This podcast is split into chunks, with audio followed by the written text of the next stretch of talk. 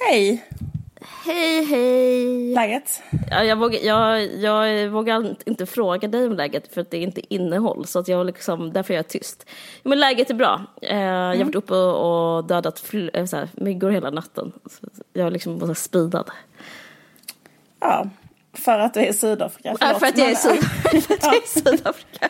Det är inte en mygginvasion i Vasastan. Nej, precis.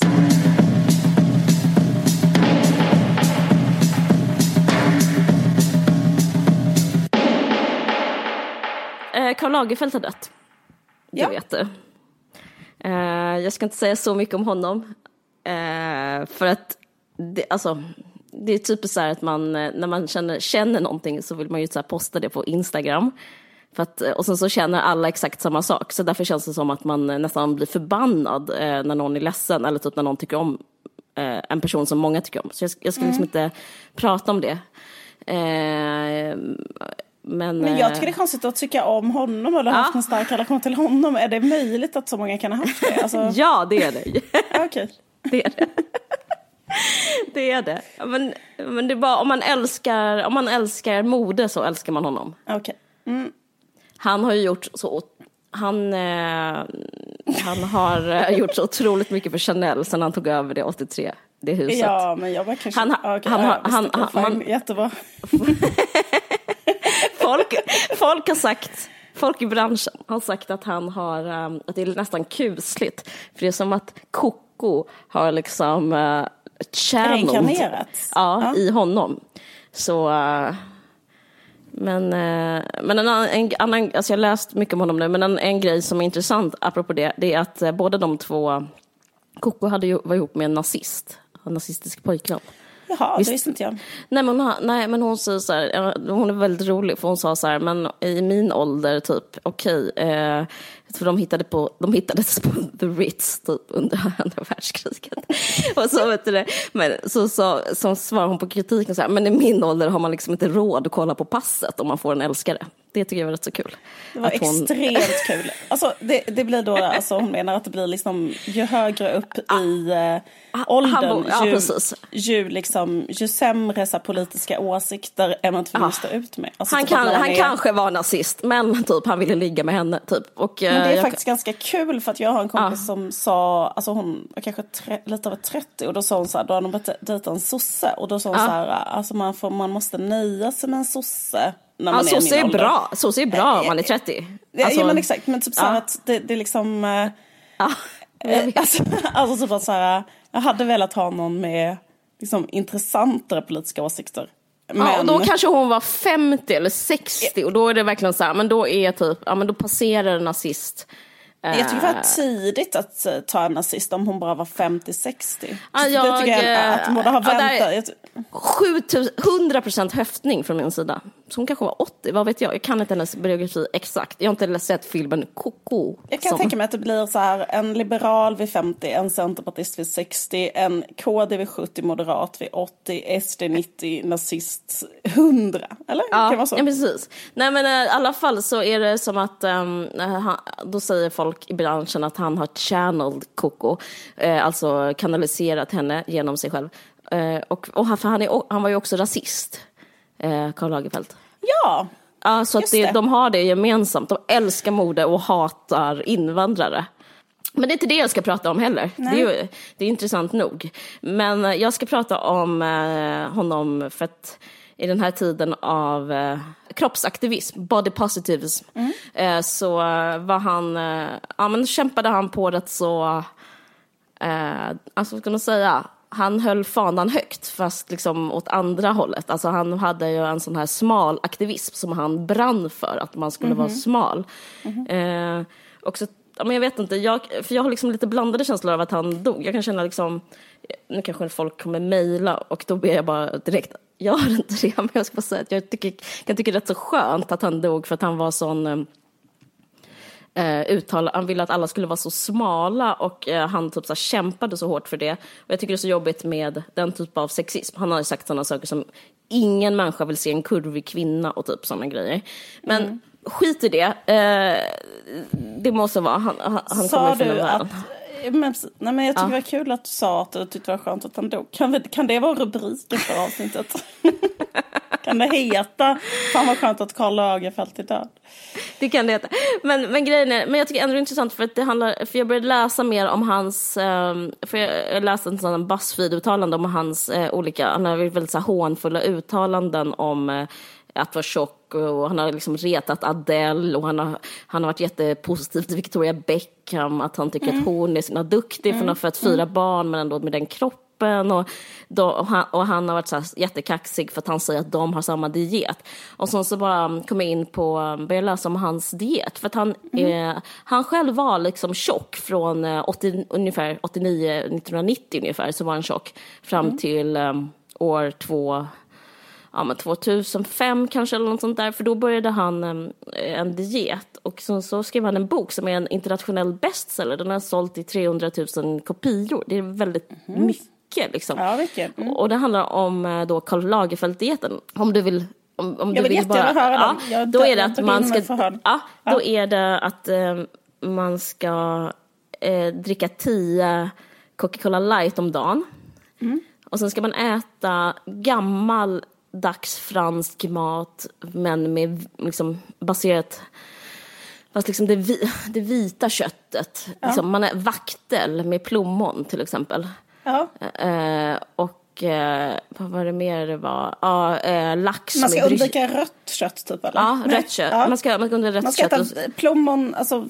Eh, plommon, plommon okay, och vaktel. Alltså lite magert kött? Eller magert kött, eh, men också liksom med någon slags um, tradition av det, så här, det franska köket. Så mm, det ska, mm, mm. Eh, alltså gud, jag tror 100% på detta. Ja, och sen ska man äta, det här är vanligt, lax och brysselkål fanns med som recept. Gud vad gott. Eh, och sen så... Min favoriträtt. Det är så gott. Men mm. eh, vad var det mer? Och sen så löksoppa med lite gruyère. Fy fan vad gott. Mm. Ja, så att, det, gruyère, gud vad gott. Jag älskar ja. det.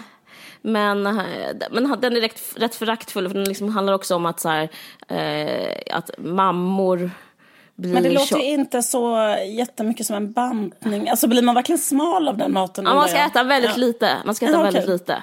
Och man ska men kan man inte bara liksom... äta väldigt lite av vad som helst? Alltså, jo, men, men, men, det hade ja, kanske inte blivit vara... en bok. Men, Nej, eh, och sen så, eh, den, den största, sen ska man aldrig ja, ta droger eller röka. Eh, och sen så, men sen så det, tror jag, det där tror jag rakt av är faktafel. Alltså det känner väl alla till att människor ja, som tar droger blir smala. Ja. Absolut. Och nej, men röka.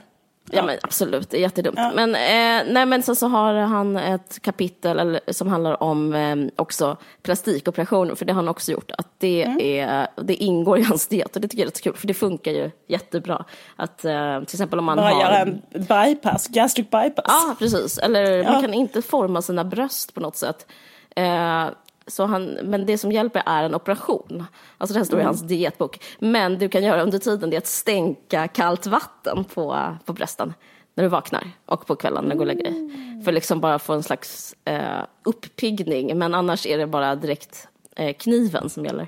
Mm. Eh, så det, det är också, men det är också så här eh, men han brann väldigt mycket för det här och han pratade om att han gjorde inte alls det här, det var viktigt för honom att, det han gjorde inte alls för hälsan utan han gjorde det för att kunna passa i vissa kläder. Ja. Eh, men jag tycker, jag vet inte, men jag försökte liksom det, det, det är vad det är med det, men jag, det, som, det var en artikel i den här uh, internettidningen The Cut. Som mm. var, är det en nättidning? Finns det på riktigt? Jag har bara läst den på nätet. Jag vet inte, jag har också bara läst på nätet.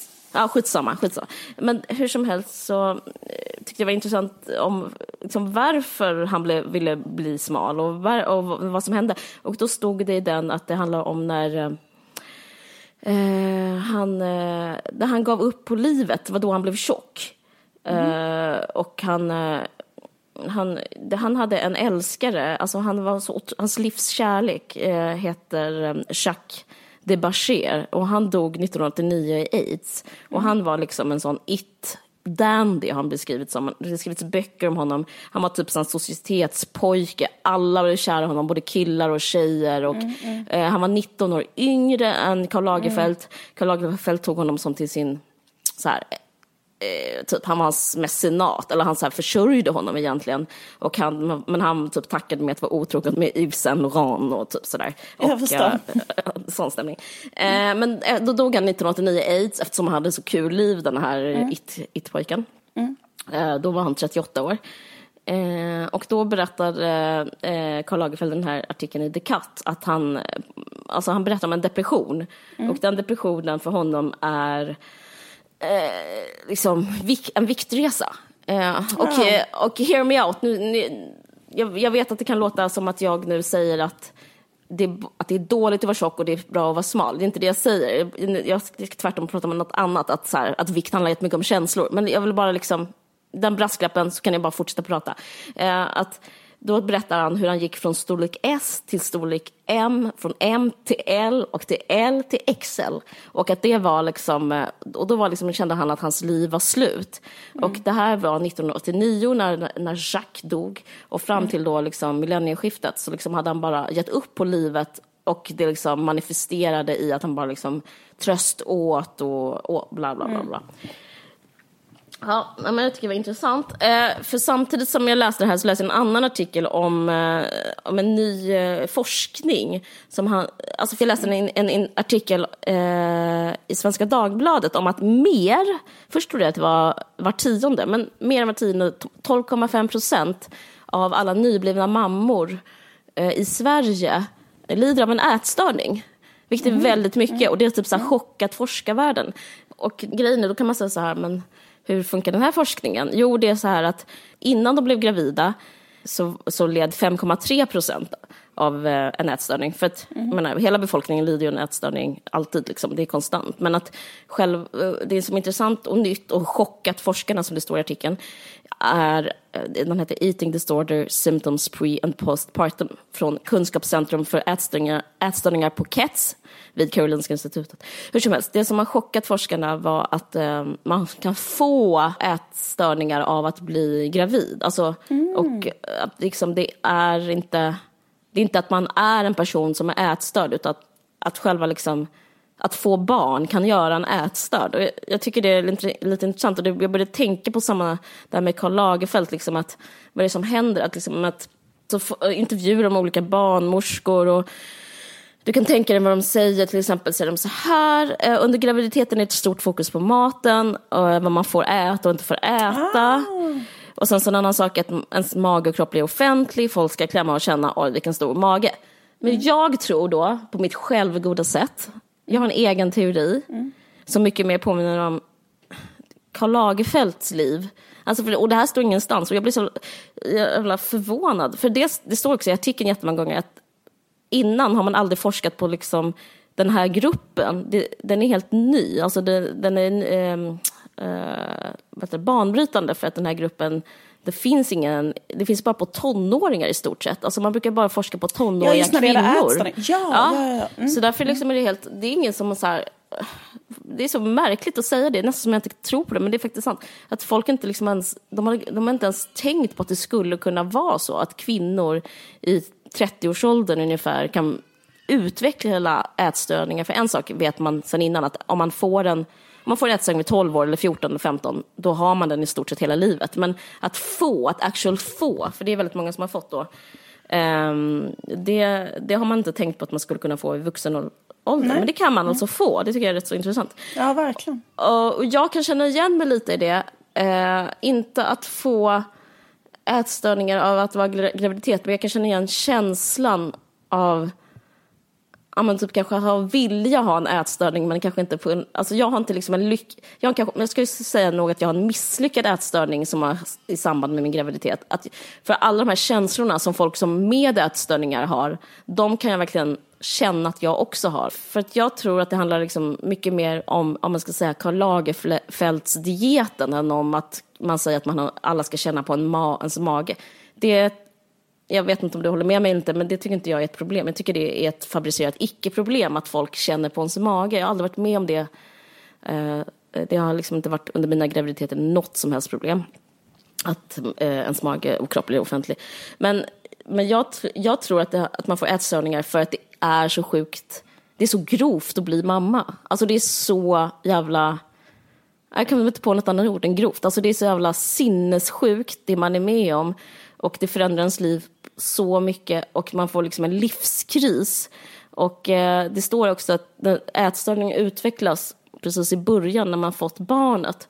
För det, och det, det, är också samma sak, alltså från att ha inte ett barn till att ha ett barn är liksom, eh, det är som ens liv, alltså jag, jag säger inte att alla får liksom eh, förlossningsdepression, tvärtom så kan man bli väldigt, väldigt lycklig och det har jag också känt, men, men den här grejen att eh, man är inte den man var innan, alltså på lite samma sätt som när man kan förlora man kan förlora något hos sig själv, alltså på samma sätt som så här Karl Lagerfeld förlorade sin kärlek. Så kan det kännas, man kan liksom förlora, man kan nästan förlora så lyckan med livet på något sätt. Eh, och man kan förlora liksom ens eh, raison d'être. Och eh, jag, jag tror att det här med att få en ätstörning, eller jag vet att det är eh, bara handlar om psyket. Och det rubriceras ju också som en psykisk sjukdom. Därför tycker jag det är så konstigt av Svenska Dagbladet att hålla på och prata om att det handlar om mat och sånt där. För att, mm. Till exempel att vara ful är ju en känsla väldigt mycket. Och att känna sig tjock är en känsla väldigt mycket. Att ha kontrollförlust är en känsla. Och sorg över att vara någon man inte är är också en känsla. Och jag menar inte att tjock och upplevelsen av det um, att det, inte nöd, det behöver inte vara en negativ känsla och jag vill inte kalla det en negativ känsla. Men det kan vara en negativ känsla som man kan gå in i. Eh, som jag, och jag tror att det handlar om liksom, jag vet inte, jag tycker det är så, jag tror problemet är att det är så nedspelat med att, vara, att bli mamma. Jag tycker, det, jag tycker det är för sjuk grej. Det var så accepterat att det bara så här, att det bara händer. Jag vet inte, håller du med mig om det? Eller liksom, ja, men för mig var det, är det typ en livskris att ha blivit mamma jag känner att jag är i en livskris fortfarande på grund av att jag har blivit mamma. Mm. Men du kanske inte känner så? Nej men jag förstår. Jag tycker det är jättebra, eller vad ska man säga, jag tycker det är jättebra att du säger det. För jag tror jättemånga liksom delar den upplevelsen. Jag kan inte känna att jag, för jag, ehm, liksom, jag var väldigt liksom lycklig. Mm.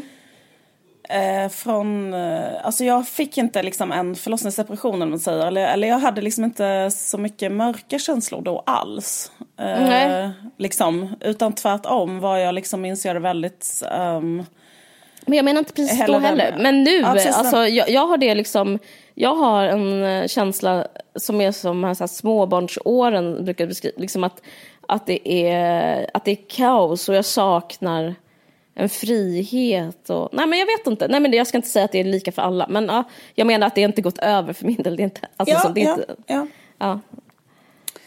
ja. Um, och att det är en ångesthantering, för det står liksom på ett litet ställe i den här artikeln så här, att, ja. att ätstörningar det, vet, det, det, och det tycker jag det, det, det pratar man ju alltid om, att ätstörningar ja. annars handlar om att försöka kontrollera någonting ok. Ja, ja. Det, det är som att det är bara en variant att liksom, man har kontrollförlust och sen så försöker man återfå kontrollen genom att kontrollera sin mat. Ja. Och det känner jag, och det kan jag tänka mig är det som händer Eh, ja, jag, jag, skulle säga att kontrollförlust är väldigt så beskrivande för hur det är att eh, bli mamma eller att få familj eller överhuvudtaget ja. liksom, byta den typ av sammanhang. Eh, jag vet inte, det kanske bara handlar om mig. Jag var väldigt mycket så nej, fri, nej, fri själ och loner. Jag kunde liksom göra väldigt, jag kan inte göra allt på, på det sättet som jag kan göra. Förr i tiden kunde jag göra allt, nu kan jag göra inget. Och det, för mig är det liksom en avgrundsdjup Alltså det är ett mörker på ett sätt. Samt, men mm. jag liksom kostar på mig att säga det, jag vet inte om jag måste säga mm. det är ett ljus också och det är bla bla bla. Men det är liksom, det är ett mörker i det också som finns, som jag umgås med. Mm. Uh, som jag, jag har svårt att kontrollera, eller liksom hantera. Jag vet inte, jag, jag är inte on top of things ska jag känna. Nej. Uh, och därför, jag skulle verkligen också kunna utveckla en ätstörning som ett sätt att bara förstå min tillvaro. Alltså, jag, jag, jag tror att, ja, och det är det jag tror Karl Lagerfeld gjorde också. Jag jobbar med att göra en ny bok. Så jag eh, håller på med det hela dagarna och bara sitter i ateljén och jobbar med det och väldigt upptagen med det. Mm. Och eh, så är det också därför som inte jag gör så bra innehåll till den här podden.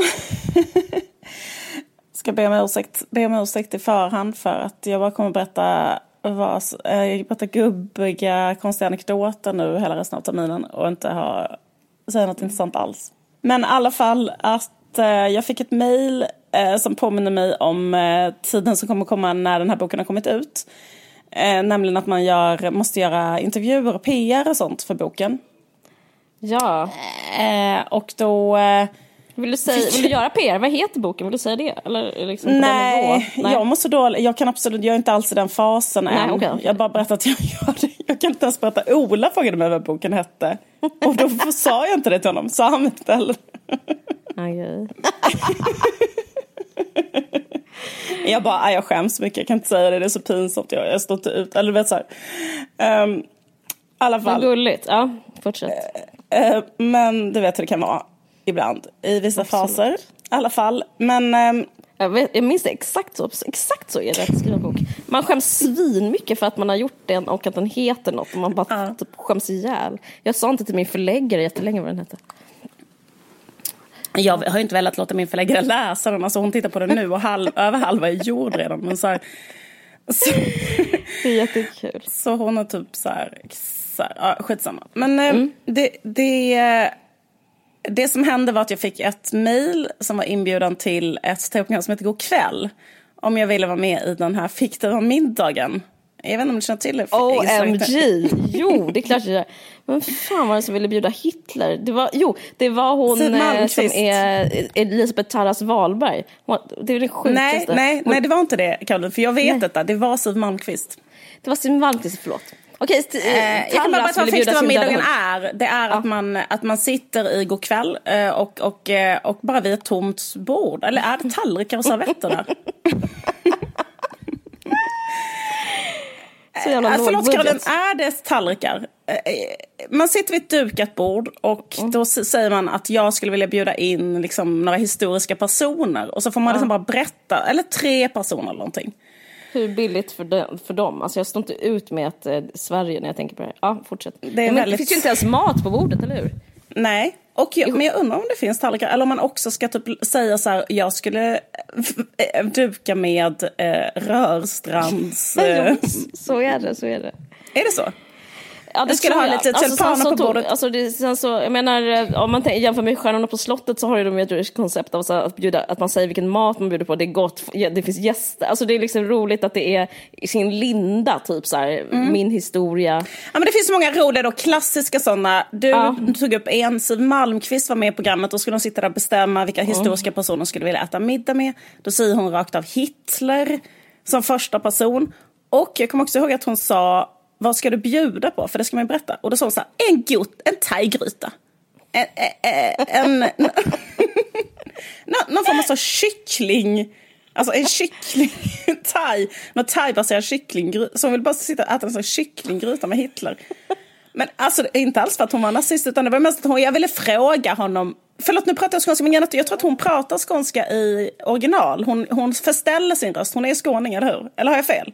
Ja, Jag minns fan, det som att hon, hon- hon är ju, nu, fan vad du bara kartlägger henne, hon är ju rakt av SD.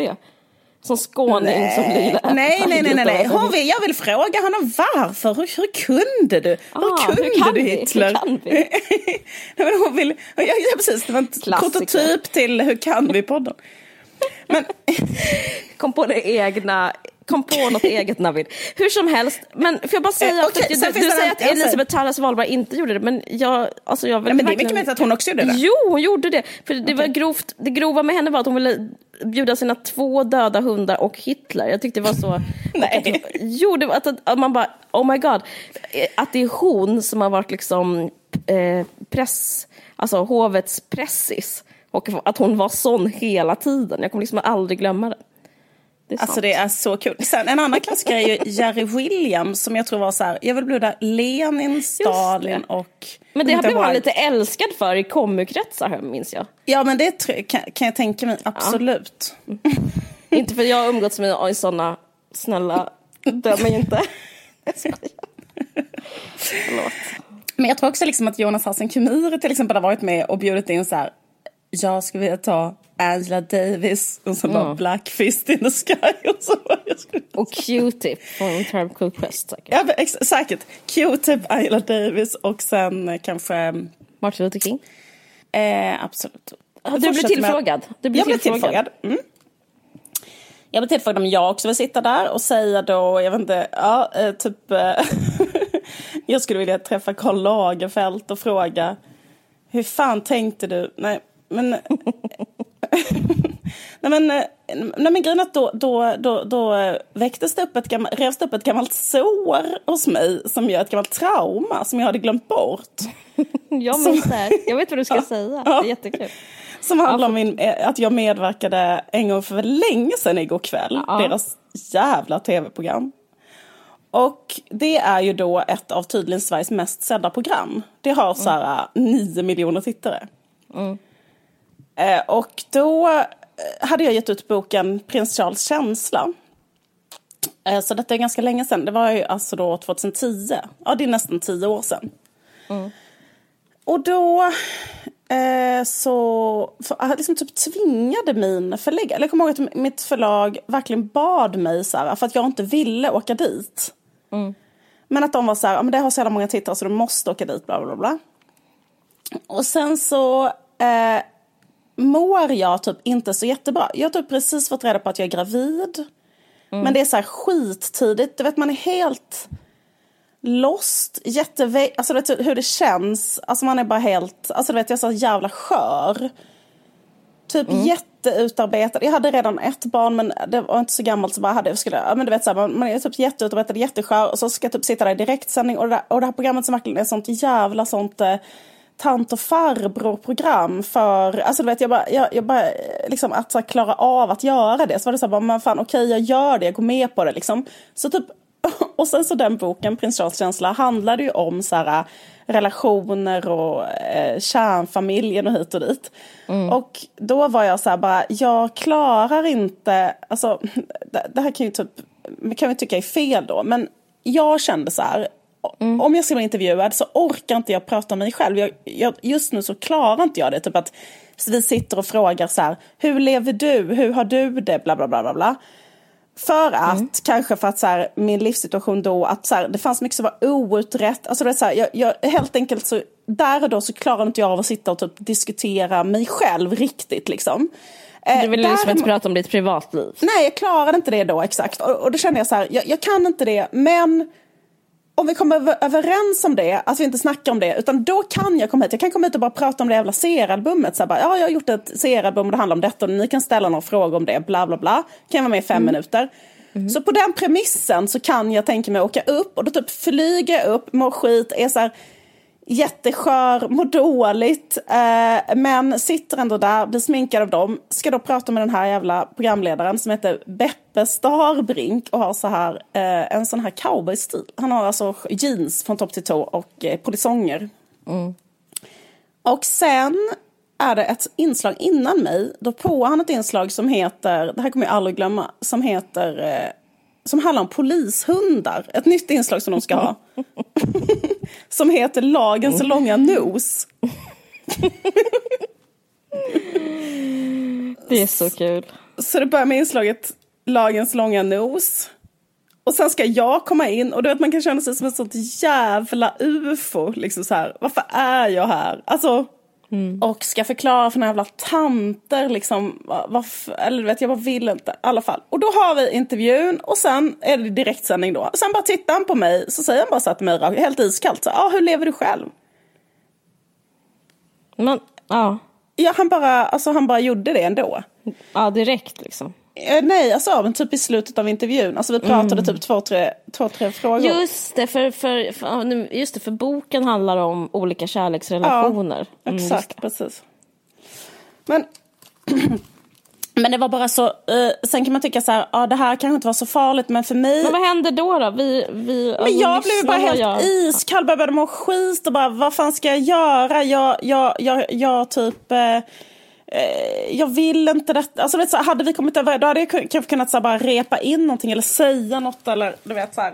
Jag, jag, eh, jag låter ju som att jag är så här, också universums stelaste människa men jag, jag, jag, eh, jag, det var bara svinsjukt. Därför att det, var, det sjuka var att han, alltså så här, hade de, alltså, hade de förberett mig så här, vi ska prata om detta och du måste prata om detta.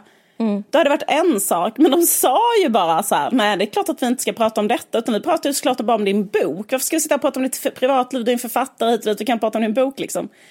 Mm. Sen så fick jag bara den jävla kniven i ryggen i direktsändning direkt efter lagens långa nos. Aha. Och eh, det var, det var, eh, jag vet inte. Så jag kan hälsa här via den här podden att det kommer inte medverka i eh, en, middag, en fiktiv middag, det kan jag säga. Det kan ni glömma. Men det formatet är också sinnessjukt. Det, det, kommer, det, kan ju inte, det kan ju inte fortsätta med det. Alltså äh, äh, fiktiv middag? Det ja. tror jag kommer fortsätta alltså, tills vi dör. Jag tror vi kommer dö före fiktiv middag dör, Caroline. det har redan hållit på i liksom, eh, väldigt många år. Jag tror det är så himla populärt. Och, och, och, men alltså, allting i det programmet är ju helt sjukligt populärt. Ja, jag vet, det kanske inte, det kanske inte är varken tiden eller platsen för mig att säga att jag älskar det programmet. Men ja, absolut.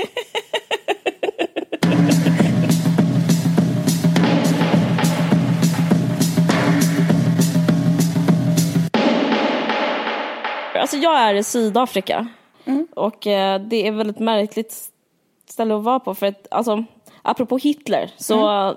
eh, jag visste inte det här, men alltså jag visste ju att det var apartheid såklart. Men det sjukaste av allt med det är att det började efter andra världskriget. Alltså hela världen känner ju till andra världskriget.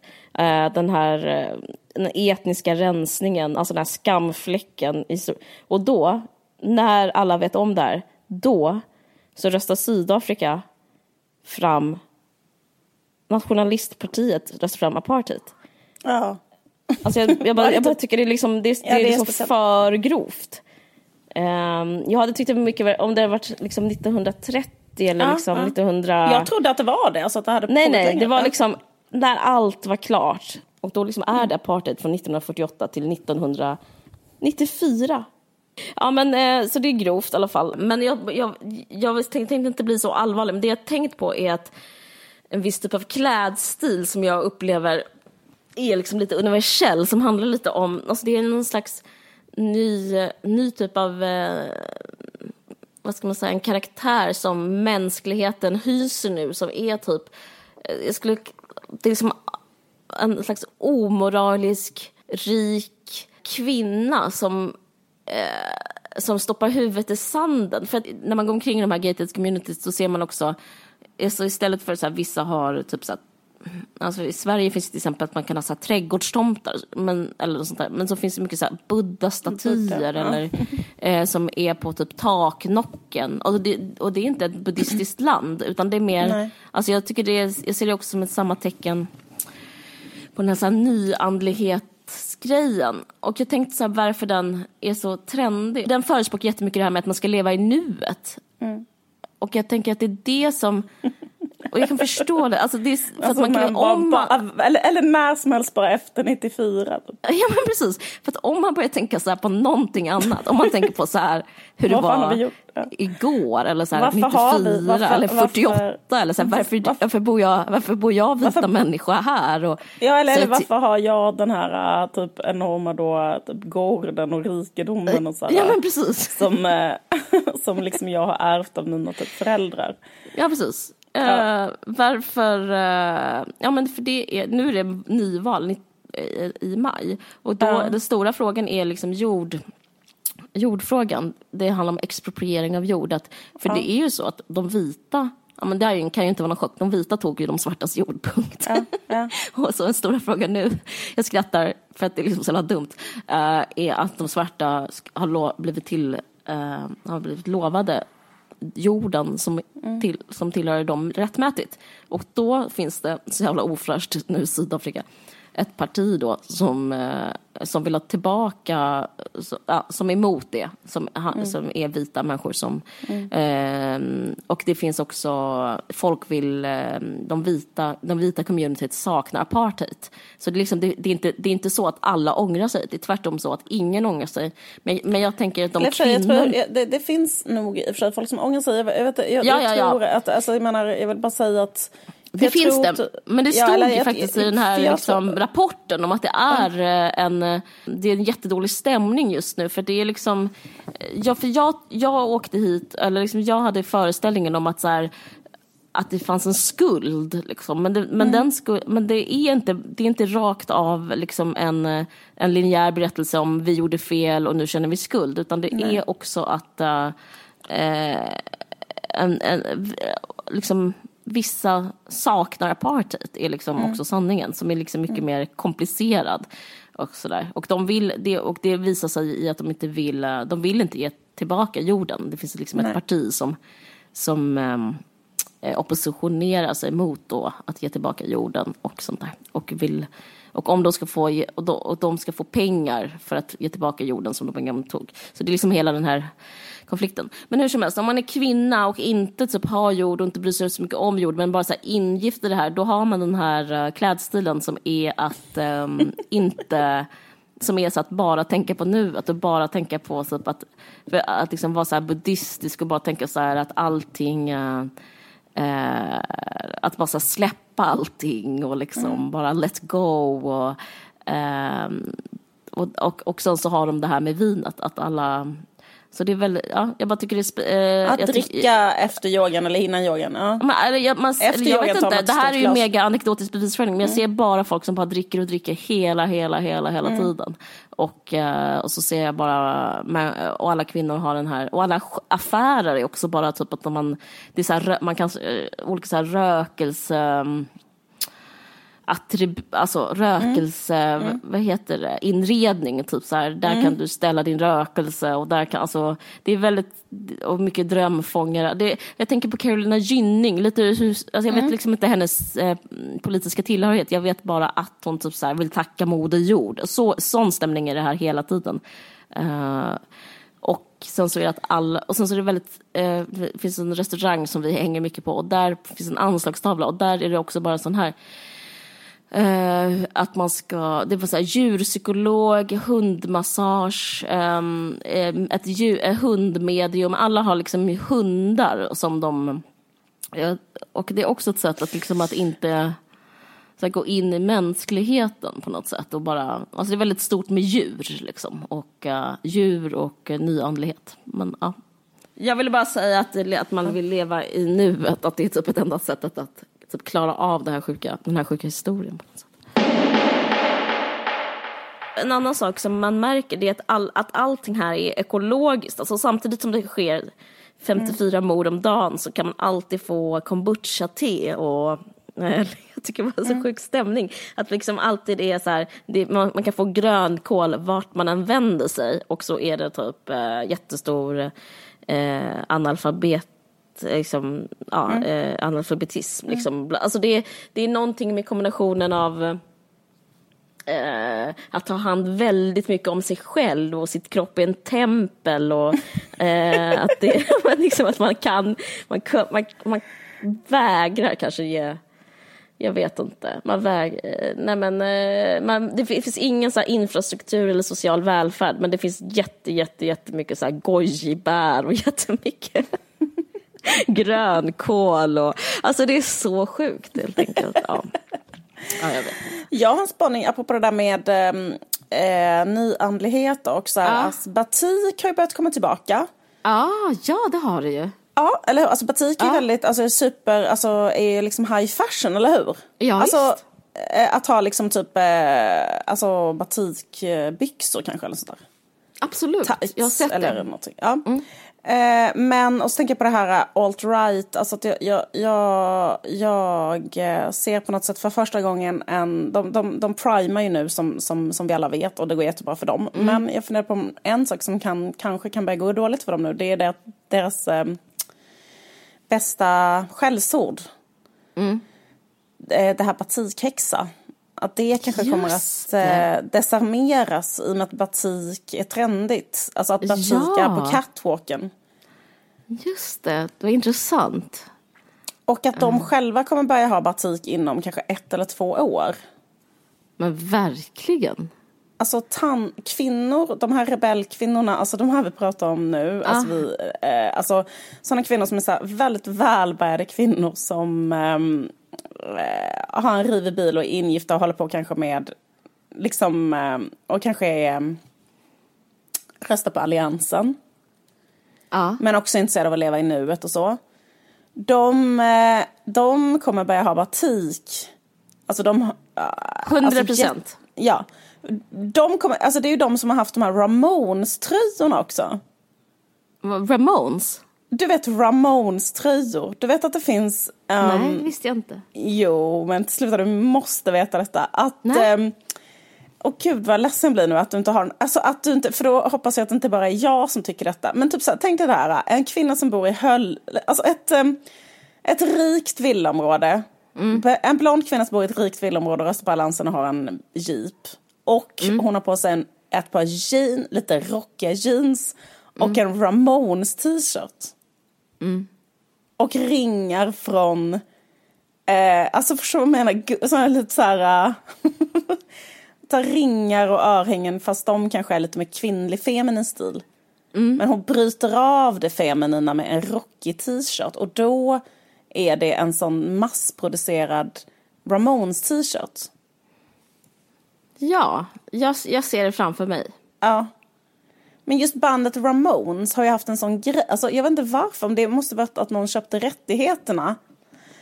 Um, för att barn har ju också Ramones t Alltså det är också typ att jag tror att H&M gjorde en sån liksom kollektion med barn t-shirtar med Ramones. Ja. Just bandet Ramones. Men, eh, ja men, eh, ja okej, okej. Och, eh, och, men och de... den typen, och det har ju de, alltså för grejen att Ramones är ett jätte, jätte, jättebra band. Mm. Det är ett otroligt bra rockband.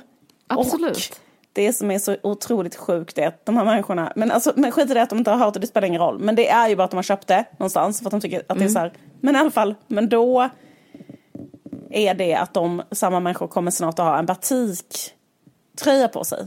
Eller en batik, batik ett par batik-tights när de yogar och sånt. Det är sant, så sjukt. Och även alltså, Jimmy Åkessons fru eh, Louise kommer ha eh, batik-tights och sånt. Ja, ja, ja, men nu fattar jag vad du menar. För jag, jag vet, ha ja, det, finns ju, det har varit coolt att vara lite rockig. Alltså, ja. det, det har ju varit lite... Ja, att vara alltså, det har varit, ja absolut, det är ju lite höger. Eller liksom varit så lite... Nej men det är lite svennigt, alltså typ kanske ta så här blont lockigt hår, alltså lagt lockade, lagt, ja, alltså lockat håret och sen ha en rockig t-shirt till det så att man liksom blandar det feminina man bryter av lite på ett litet, man är lite ball och bryter av en feminin frisyr ja, ja. kanske med en rockig t-shirt. Det är vad jag pratar om. Absolut, jag förstår precis. Nej men så är det. Så är det.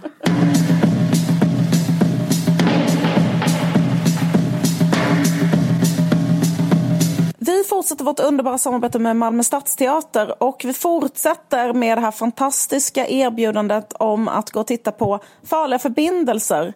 Eh, en eh, asspännande pjäs som handlar om det här att, eh, alltså det är ett par, eller hur? Och sen så eh, liksom är det att eh, de typ kommer överens om att så här, ja, men du kan väl typ få ligga med en annan en gång. Mm. Det kan väl inte vara så farligt, bla bla bla. Varför inte? Alltså det handlar om att de leker med elden. Mm. Och eh, sen så, eh, ja, jävligt, jävligt intressant faktiskt. Intressant eh, pjäs. Kan det, alltså, vad händer eller går det? Eller vad, alltså, ja, eh, mm. Intressant eh, frågeställning. Den, eh, den spelar på Malmö Stadsteater till och med 18 april. Eh, man kan läsa mer om den på Malmö Stadsteaters hemsida. Eh, Malmöstadsteater.se snedstreck farliga bindestreck förbindelser. Eh, ja, och med koden VARG kan man få 25% rabatt på biljettpriset. Som Precis. man uppger när man bokar. Just det. Och eh, ungdomar och studenter har som vanligt eh, jättebra eh, priser på Malmö Stadsteater. Så gå verkligen och kolla på den. Ja. Um, och om man befinner sig i Göteborg så finns det något så underbart som en helt ny uppsättning av Jane Eyre, alltså den här klassiska eh, romanen av Charlotte Bronte. Ja, otroligt. Eh, det är en av eh, de bästa böckerna som finns. Men det sjukaste av allt, och nu får jag rysningar och jag ljuger inte ens, jag får rysningar. Så har Tone Schunnesson, en av Sveriges bästa författare, dramatiserat den och gjort en nytolkning och de har satt upp den. Så Tone har då skrivit manuset till eh, teaterföreställningen Jane Eyre. Alltså, Otroligt. Nej men det, det, det känns så jävla fett. Eh, och eh, Eftersom vi är Sveriges bästa kulturpodd så har vi självklart ett erbjudande även vad gäller här. Och eh, det är att man kan få 80 kronor rabatt om man oh. Anger biljettkoden VARG, eh, alltså vid bokning av en biljett. Så alla våra lyssnare betalar 200 kronor istället för ordinarie priset som är 280. Jag är inte bra på matte men jag antar att det kanske är typ en tredjedels, eh, alltså det är svinbra rabatt. Och den ja. rabatten gäller inte bara en gång utan hela spelperioden. Eh, det vill säga 6 mars till 26 april. Och så går man in på www.folkteatern.se och ähm, ja, eh, så kan man liksom läsa mer om pjäsen. Eh, jag ska rusa dit, jag längtar. Ni som lyssnar på podden idag, fredag, kan gå och lyssna på ett samtal från eh, eh som Ami Bramisi och Tone Schunnesson där de disk diskuterar eh, vem är den galna kvinnan på vinden idag. Alltså, det handlar väl om ja, galna kvinnor i dagens samhälle. Och det är um, klockan åtta i foajén på Folkteatern. Så om man befinner sig i Göteborg så rusa dit. Det är ju från Jane Eyre som det här uttrycket kommer, uh, The Mad Woman in the Attic, därför att när Jane Eyre blir tillsammans, uh, eller när hon flyttar in i det här huset, uh, mm. då, så blir, då, då, då visar det sig att mannen som hon är intresserad av och jobbar för har en exfru som är galen, som är inspirerad på vinden, som bara hör bara olika knackningar och sådär.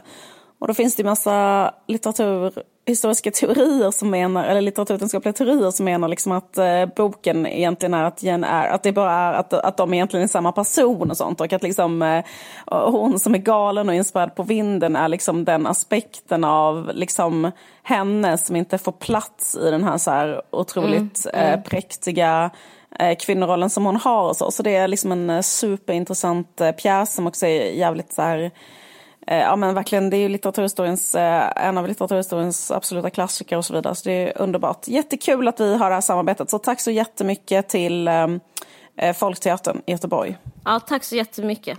Vi fortsätter också vårt underbara samarbete med Nextory. Och det är ju så att när man eh, har eh, mycket att göra om man lever och Eh, så vidare så är det svårt att eh, få ihop tiden att ligga ner i sin säng och läsa böcker. Utan istället så eh, är det så himla gött att kunna lyssna på en ljudbok när man gör något annat. Typ diskar, liksom vad som helst, sminkar sig, vad, vad man nu behöver göra, gå ut och gå en promenad. Och också eh, skönt att slippa liksom ha en massa böcker hemma hela tiden. Utan man kan liksom bara... Eh, man behöver inte så här, eh, komma ihåg att lämna tillbaka något på biblioteket eh, eller så. Utan man kan bara snabbt ladda ner en ljudbok eller en e-bok och eh, typ läsa på sin mobil eller läsa på en platta. Och sen mm. när man är klar så bara behöver inte den eh, återlämnas eller ta plats eller whatever. Utan den bara eh, den bara försvinner. Och eh, det, är, eh, det är ju så himla praktiskt. Speciellt om, man liksom, om det är så någon ny kul bok man hör om. Eh, man vill bara läsa igenom den snabbt för att typ hänga med lite i något samtal och sådär. Så, så, ehm, så är det verkligen jätte, jättebra att ha en eh, prenumeration på Nextory. Ja, Um, och uh, jag tänkte tipsa om en bok som finns på Nextory som man kan både lyssna på och läsa som e-bok. Och som jag då har läst som heter mm. Jag som var så rolig att dricka vin med, rapport från mm. ett år som nykter alkoholist. Och författaren heter Rebecka Ålund. Och den här boken är um, väldigt bra, alltså för den handlar om uh, alkohol, en alkoholist en, i London, en tjejalkoholist. Liksom allting är väldigt bra, men eh, det liksom blir en... Eh, hon är inte utsatt socialt, men hon utvecklar ändå ett missbruk. Och det, jag tycker det är en fin berättelse av eh, hur ett missbruk kan vara och eh, vilka mekanismer det kan vara och eh, hur det påverkar ens liv. Och jag, bara, jag vill i alla fall tipsa om den. Jag som var så rolig att dricka vin med rapport för ett år som nykteralkoholist med Rebecka Åhlund. Ja, vad kul. Jag vill jättegärna ladda ner den som e-bok eller lyssna på den som ljudbok. Eh, fan vad härligt. Plus att om man lyssnar på den här podden då kan man få en eh, någon slags eh, rabatt, eller hur? Ja, då får man första ja. månaden gratis, 30 dagar gratis. Och adressen för att få det är eh, www.nextory.se snedstreck kampanj snedstreck en varg söker sin podd med två D. Och liksom go nuts. Eh, läs och eh, eh, lyssna på böcker. Mm. Tack så hemskt mycket Nextory. Vi älskar att samarbeta med er. Tack.